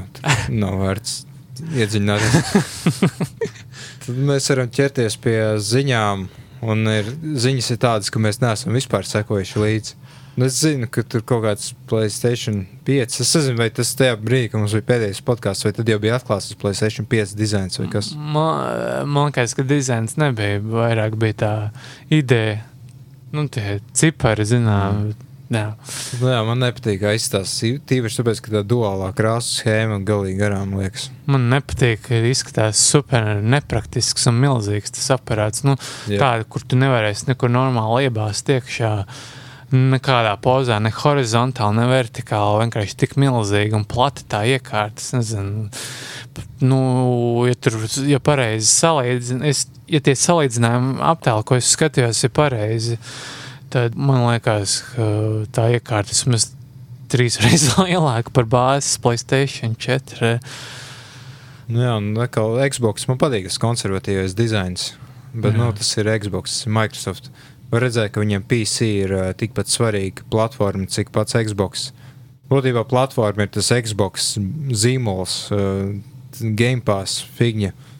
Ne, pat, ne pati konsole. Atkal Sony viņu tiešām liek spēkus, uh, ieliek spēkus PlayStation 5. Nu, Jā, kaut kādas ziņas, kas mums lapā ir. Nu, es ieliku to, ka ir iznācis jauns Playstation 2 hacks. Nesen bija 20 gadu jubileja vecajai konsolē. Tad interesanti, ka tagad ir, es arī pats notestēju, atstāstīju savu pieredzi. Vienkārši iededzinu, iededzinu, ierakstīju DVD disku uh, Playstation 2 to saprot kā DVD filmu, un tad tev palaižās hacks, un tu vari ieinstalēt to free MacBook exploitu. Vai tu tur bija? Es kaut kur lasīju, vēl tādu versiju, ka tev pat tur nekas nebija jāinstalē. Tur... Nē, tu vari neinstalēt, tu vari tikai no diska palaist, Jā. bet tu vari sagatavot to disku. Ja tev ir zināšanas, tu vari pat spēles tur vesels ierakstīt. Bet, nu, vienīgais tas, kas negribētu lāzeru čakarēt, ir, pat ja tas ir DVD mīnus tomēr baigi nepatīk pašrakstītie diski konsolēm. Bet iedomājieties, ja šis būtu zināms, gadus 20 tagad, labi, ne 20, 15, tad, tad ir viss tas, tas, tas hakošanas scēna vienkārši būtu aizgājis pa burbuli. Var... Nu, jā, un arī Sony varbūt būtu piegriezuši skābekli, jo tas traucētu pārdošanas apjomiem vēl kaut ko. Interesanti tas, ka to haku atklāja cilvēks, kurš ar Playstation 4 nodarbojas hakošanu. Pārsvarā ir zināms ar to. Uh, Nu, viņš bija tas, kurš kā, palīdzēja tam visam. Un arī Placēta 4 gadījumā ir jaunumi. Es neesmu mēģinājis, bet uh, ir uzlaustas jaunākas programmatūras versijas, 6,72 vai kaut kas tāds, Placēta 4. Tas nozīmē, ka jau ir reāli jaunas spēles, Red Dead Redemption 2, vēl kaut ko. Ir uh, uzlaustas šifrēšana, un ko cilvēki dara, ir uh, izveidots rīks, ar ko tu vari par jaunu sapakot to instalācijas datni spēlē jebkurai. Un tu vari palaist uz 5.05 programmatūras versijas. Uz tā, kas man mājās stāv, hakotā PlayStation 4, es varu spēlēt Red Dead Redemption 2, piemēram, un tam līdzīgi. Tā ka tur ir visi vārti vaļā, un tas jau. Bet pats uh, exploits, tas, kas ir tas 672 programmatūrai, tas nav nesot stabils, tāpēc cilvēki izvēlas drīzāk to backportu uztaisīt. Es te runāju baigajos terminos, angliskajos. Nu, tas, ko es aprakstīju, ka šifrēšana pārtaisa, lai tu varētu spēlēt uz uh, vecākas programmatūras versijas. Tā kaut kā vēl kas jauns, es nezinu. Nu, man baigi nu, citas prioritātes, daudz koku jāzāģē, pirksti jālabo. Bet, ja mēs runājam par to Playstation 5 versus Xbox Series X. X1, 3, Z56, tad, ja mēs atceramies, kā bija pirms septiņiem gadiem, man liekas, ka tā, tā savstarpējā cīņa nu, pat nav tik liela. Microsoft kaut kā ir sapratuši savu vietu, savu nišu, un vairāk, bet man liekas, pat baigi nekonkurē Playstation. Nē, nu varbūt viņi tajos dzelžos grib ķipa, parādīt, ka oh, mēs esam stiprāki, bla, bla, bla, bet man liekas, ka spēļas ziņā Playstation viennozīmīgi dominē. Tur...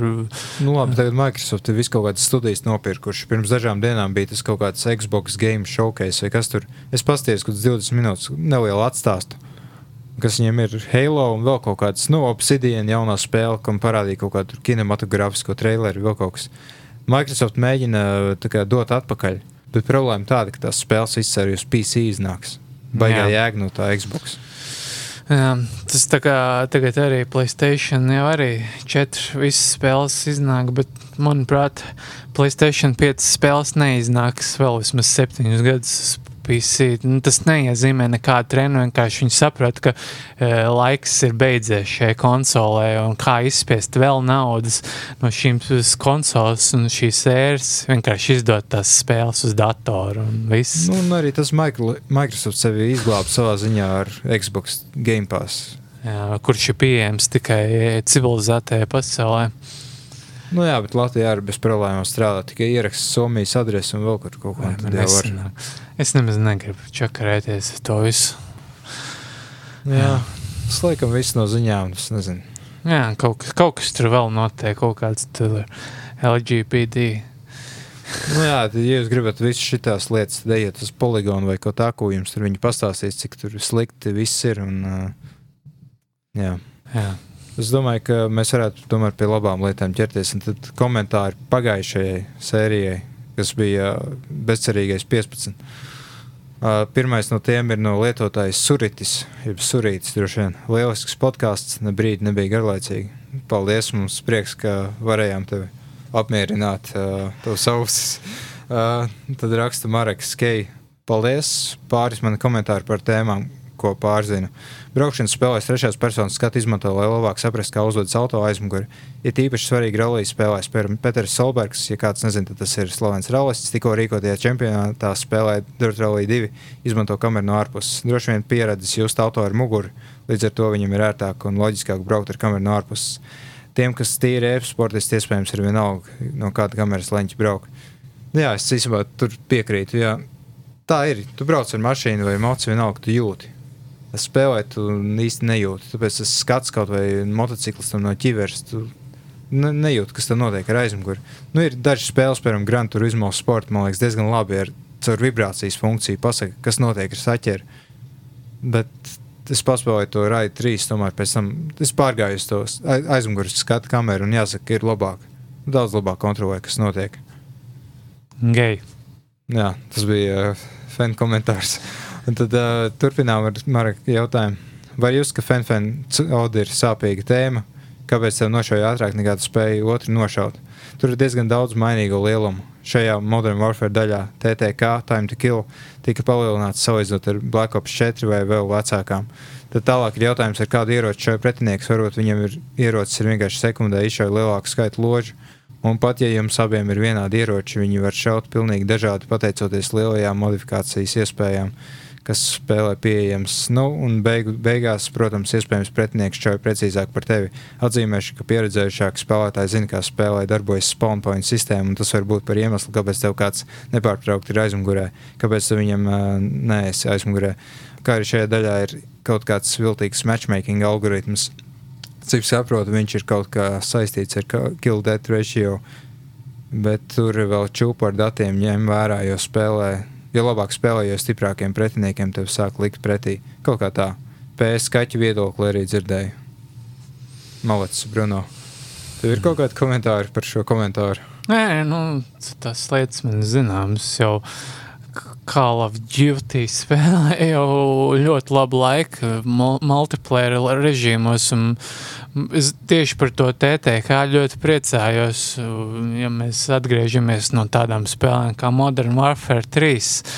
Bet, nu, jā, kaut kas man, nezinu, kaut kāda ar kāda spēle, viņi grib tur superrealistisku šaušanu uztaisīt tā, ka tu, nezinu, var, mm, man, man, man ir daudz komentāru, bet es laikam neieslēgšu, laikam nav tik svarīgi. Es, es pieļauju, ka visi pro gameri tur spēlē uz zemākajiem grafikas uzstādījumiem, lai ēnas nekrist uz pretiniekiem tā kā, tā kā, tā kā kontrastrēkā, lai visu varētu perfekti redzēt. Nu, es spēlēju man patīk līdzsvars starp gameplay un grafiku. Kā, jā, man viss sēns ir tāds, ka nevar redzēt, kas viņās slēpjas. Jā.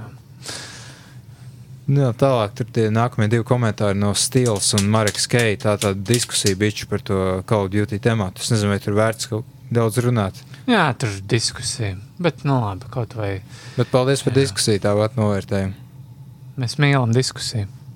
Un tad lietotājs uh, FVSA 47 MMR5 RG. Vai vienkārši TV Maskava. TV Maskava, kuram profilu attēlā ir tas čalis no kolektīvās individu masas. Starp citu, laba grupa man patīk. Nē, esmu vēl dzīvē viņas dzirdējis, bet. Varbūt tas ir viņš. Moši, jā, bet reāli interesanta grupa. Smiltis, skudras un sūcošais rīks, kas filtrē uz kalnu smiltis virsū, kur zvēriem ir vieta pasaulē, izklausās fantastiski spēle. Viņš runā par Paper Beast, to Playstation VR spēli, ko es galīgi nemācīju aprakstīt. Uh, es mazliet vēl paspēlēju, bet bācis, nu, es zinu, es teicu, ka būs apskats, nu, es kā parasti dirsu. Tāds, es tomēr esmu viens no dirsējiem, ne darītājiem, laikam tā ir neuzrakstīta. Uh, tāds, tāds murgs īstenībā tā spēle, bet nu, tāds foršs murgs. Uh, Suicide Christ. Dzer tikai ibumetīnu un veselības dzērienu, dažreiz arī viegru. Esmu par veselīgu dzīvesveidu. Ok.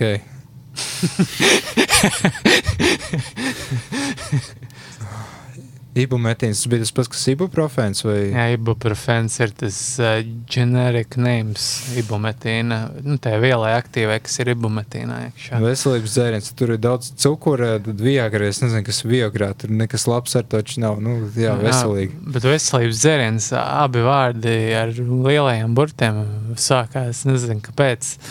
VD. Mm. VD40 viņš jau lietoja. Un tad beigās Fens pateica, ka viņš pateicās visiem. Un tad uz tikšanos nākamajā podkāstā, un tas tika rakstīts uh, 8. maijā.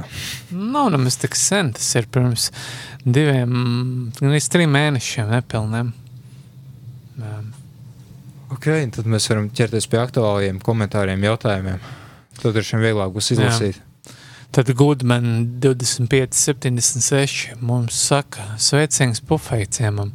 Šajā slinkuma un jautrības pārpildītajā vasaras vidū vēlos dzirdēt jūs domas par konsoli titānu cīņas Sony versus Microsoft iespējām pēc pirmajām spēļu demonstrācijām un kur izvēlēsies Genaģis un kuru Phoenix, ja vispār izvēlēsies iegādāties. Man liekas, es jau sen pateicu, ka Placēta 5, tāpēc ka nu, Placēta Latvija mums ir iespēja tikt pie spēļu kodiem. Jā, es nezinu, ko es pirkšu. Un, uh, ja, ja, ja, ja baumas par cenu apstiprināsies, tad vismaz sākotnēji. Nu, es mēģināšu kaut ko sabiedrīt, varbūt kaut kādu atlaidi nevar iedot. Nu, jā, es 600 eiro, un tas tā jāpadomā, vai es gribu kaut ko tādu.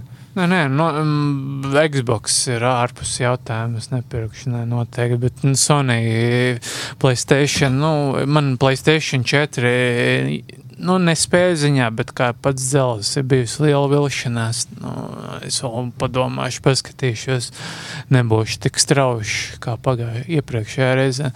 Viņš prasīja jau par tām spēļu paraugu demonstrācijām, ko tur skaties kaut ko. Nu, jā, tur bija tas skandāls, ka Assassin's Creed jaunais Valhalla gameplay trailers, bet tur nekāda spēles procesa nebija. Jā, tur bija no, noliekot kaut kāda gameplay player. Gameplay traileri diezgan daudz, kurus katru trīs sekundžu laikā jau paspēja DMC ot. Bet, nu, es paspēju jau kaut ko paskatīties. Tas gan nebija oficiāls gameplays, bet, nu, nezinu, Assassin's Creed, kas ir Assassin's Creed. Šajā brīdī vairs nekas neizbrīna. Un tie cipariņi, kas tur parādījās, ļoti, ļoti ne, neiedvesmoja. Bet, nu, jā, tā īsi sakot, man Xbox patīk dizaina ziņā labāk, tāds konservatīvs, tā kā es laikam. Un uh, tas, ka, nu, Game Pass, protams, tā ir laba vērtība. Nu, tā ziņā, tu dabū pirmajā dienā uh, spēles jaunās visas. Mm, Jā, jā Man, Bet, ne... man nepatīk Microsoft kā firma.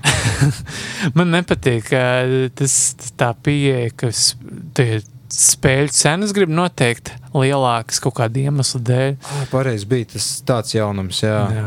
Nu, manuprāt, Džims Sterlings jau diezgan pietiekami vārījies par šo tēmu. Proti, nu, nav iemesla, kāpēc tās spēles maksā kaut vai 60 eiro, kur no 70 vai pat 80. Tas vispār ir absurds kaut kāds, ka koķis var sēdēt ar miljoniem prēmijās, un tikmēr cilvēki jāatlaiž un jādarš, ka spēlēm jāmaksā 60 eiro, un tas ir muļķības absurdākās. Nu, tā, tām spēlēm jāmaksā 60 eiro tikai, lai kāds varētu savu kabatā miljonus iebāzt, un tas arī viss. Nu, man liekas, ja ir kaut kāda sapratne par ekonomiku, tad piedāvājums, pieprasījums, un cilvēki ir gatavi maksāt to 60, tad arī maksā. Tur tā lieta, bet tas jau nemaina to, ka tā ir nelietība, ka izmanto vienkārši šaunu baru, kurš to dara. Nu, labi, mēs arī pērkam spēles mm. Par pilnu cenu, nu, it īpaši no, no Nintendo. Nu, citādi mums nevar. Labi, Nintendo nekrīt cenas, bet kaut kādos pārējos gadījumos auna pieres ir uh, tie, kur pērk pirmajā nedēļā. Jā. Labāk ir pagaidīt, visu salabot tehniskās problēmas, un tu nopērci par puscenu pēc pusgada. Un tas vienkārši skriešana līdz visiem pārējiem. Jā, tas ir forši, ka tu vari mainīties viedokļiem uzreiz, kā spēle iznāk vēl kaut kas, bet nu, Nu, Dūmam, Doom Eternal jau bija atlaidis uh, Steam izpārdošanai, jau varēja pa 40 eiro nopirkt. Resident Evil uh, 3 jau tieši tas pats ir.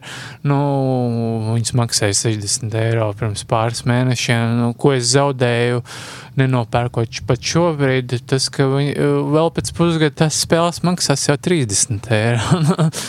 mm. man liekas, ka Resident Evil 2, kas pirms cik gada iznāca, nu, pusotra.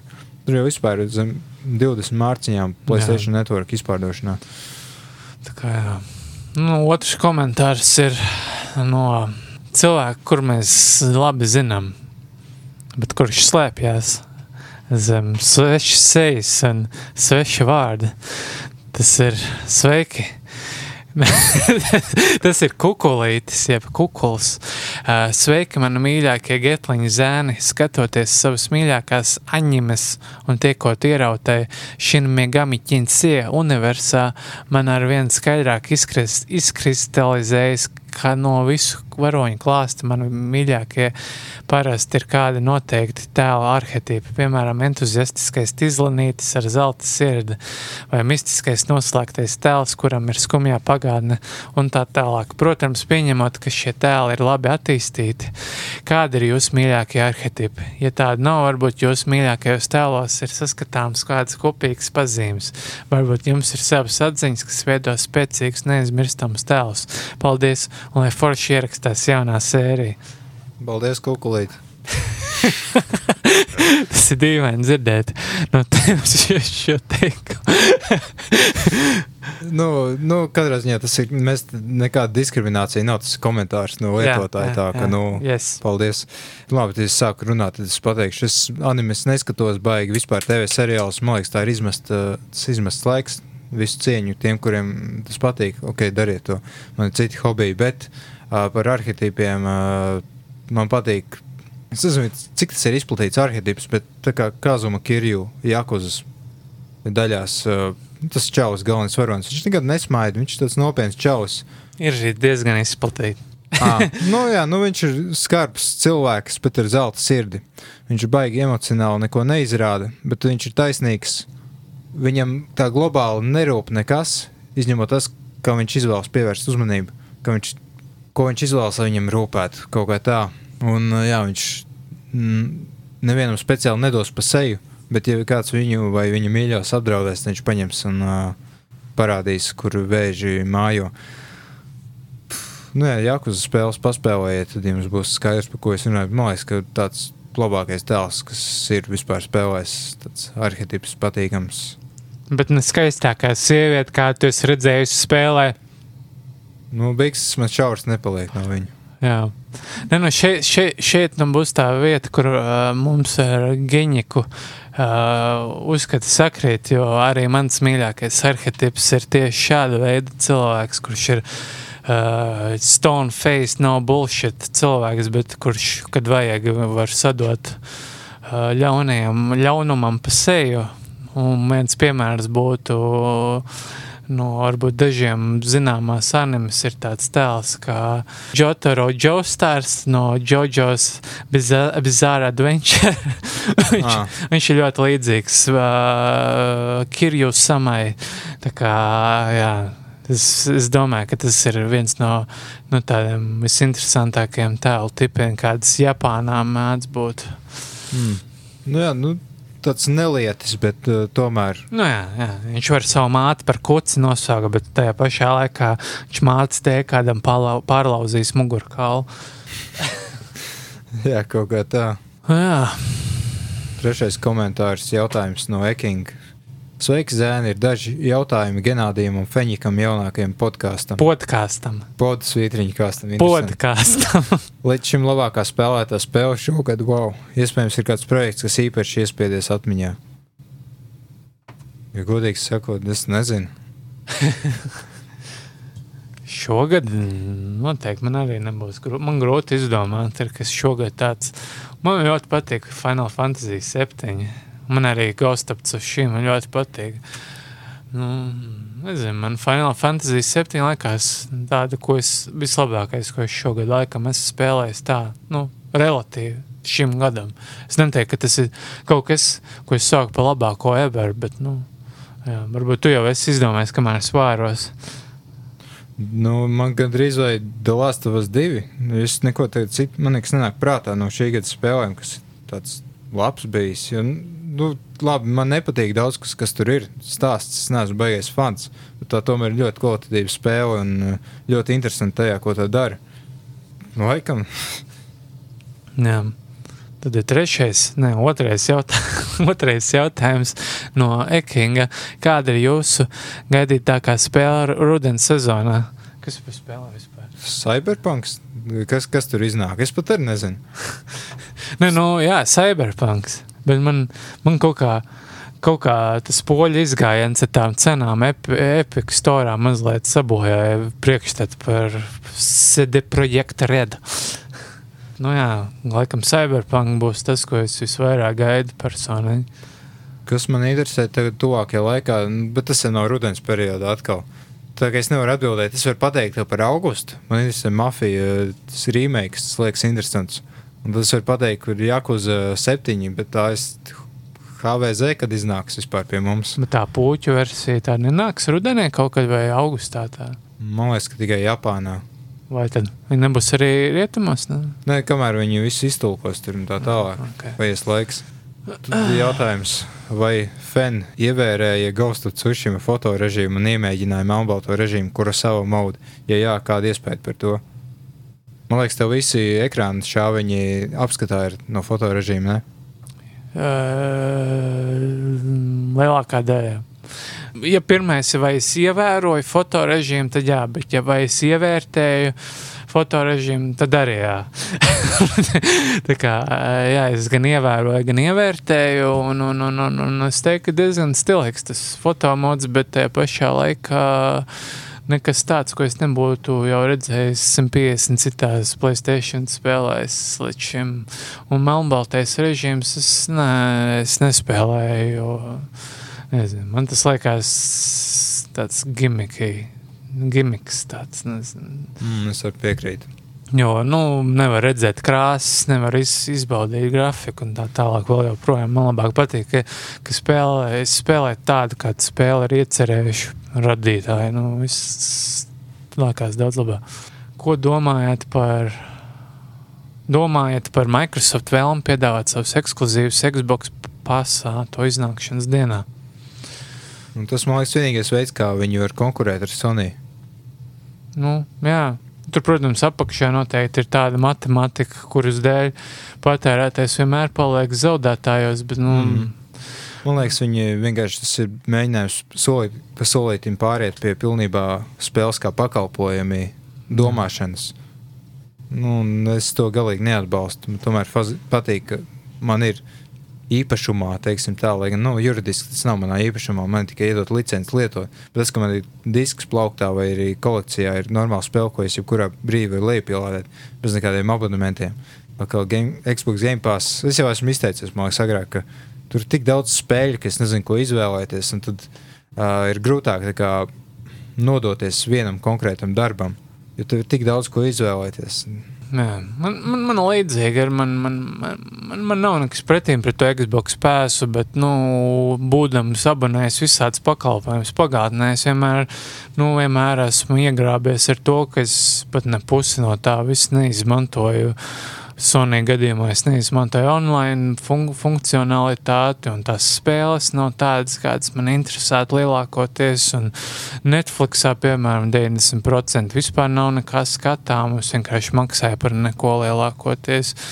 Nu, pff, Ne, nu, protams, viņi noteikti pamanījuši tās spēles, kuras neviens nespēlē, un ko salikuši tieši tās, kuras, kuras ilgāk, par, vairāk kā vienu kādam konkrētam patērētājam noteikti no tā visa klāsta neinteresēta. Pēc, nu, tas ir labs veids, kā izmēģināt 60, 70 eiro spēles, bet nu, ilgāk par vienu mēnesi es nezinu, beigā jēgu viņu nav lietot. Jā, arī tas pats. Jā, tāds, tāds lētāks dēmo, tur pilnu spēli dabūt pa 12 vai cik viņi tur maksās. Pēdējais jautājums no Ekinga. Jūsuprāt, vai ir pamatojums nākamās paudzes spēļu cenu pieaugumam?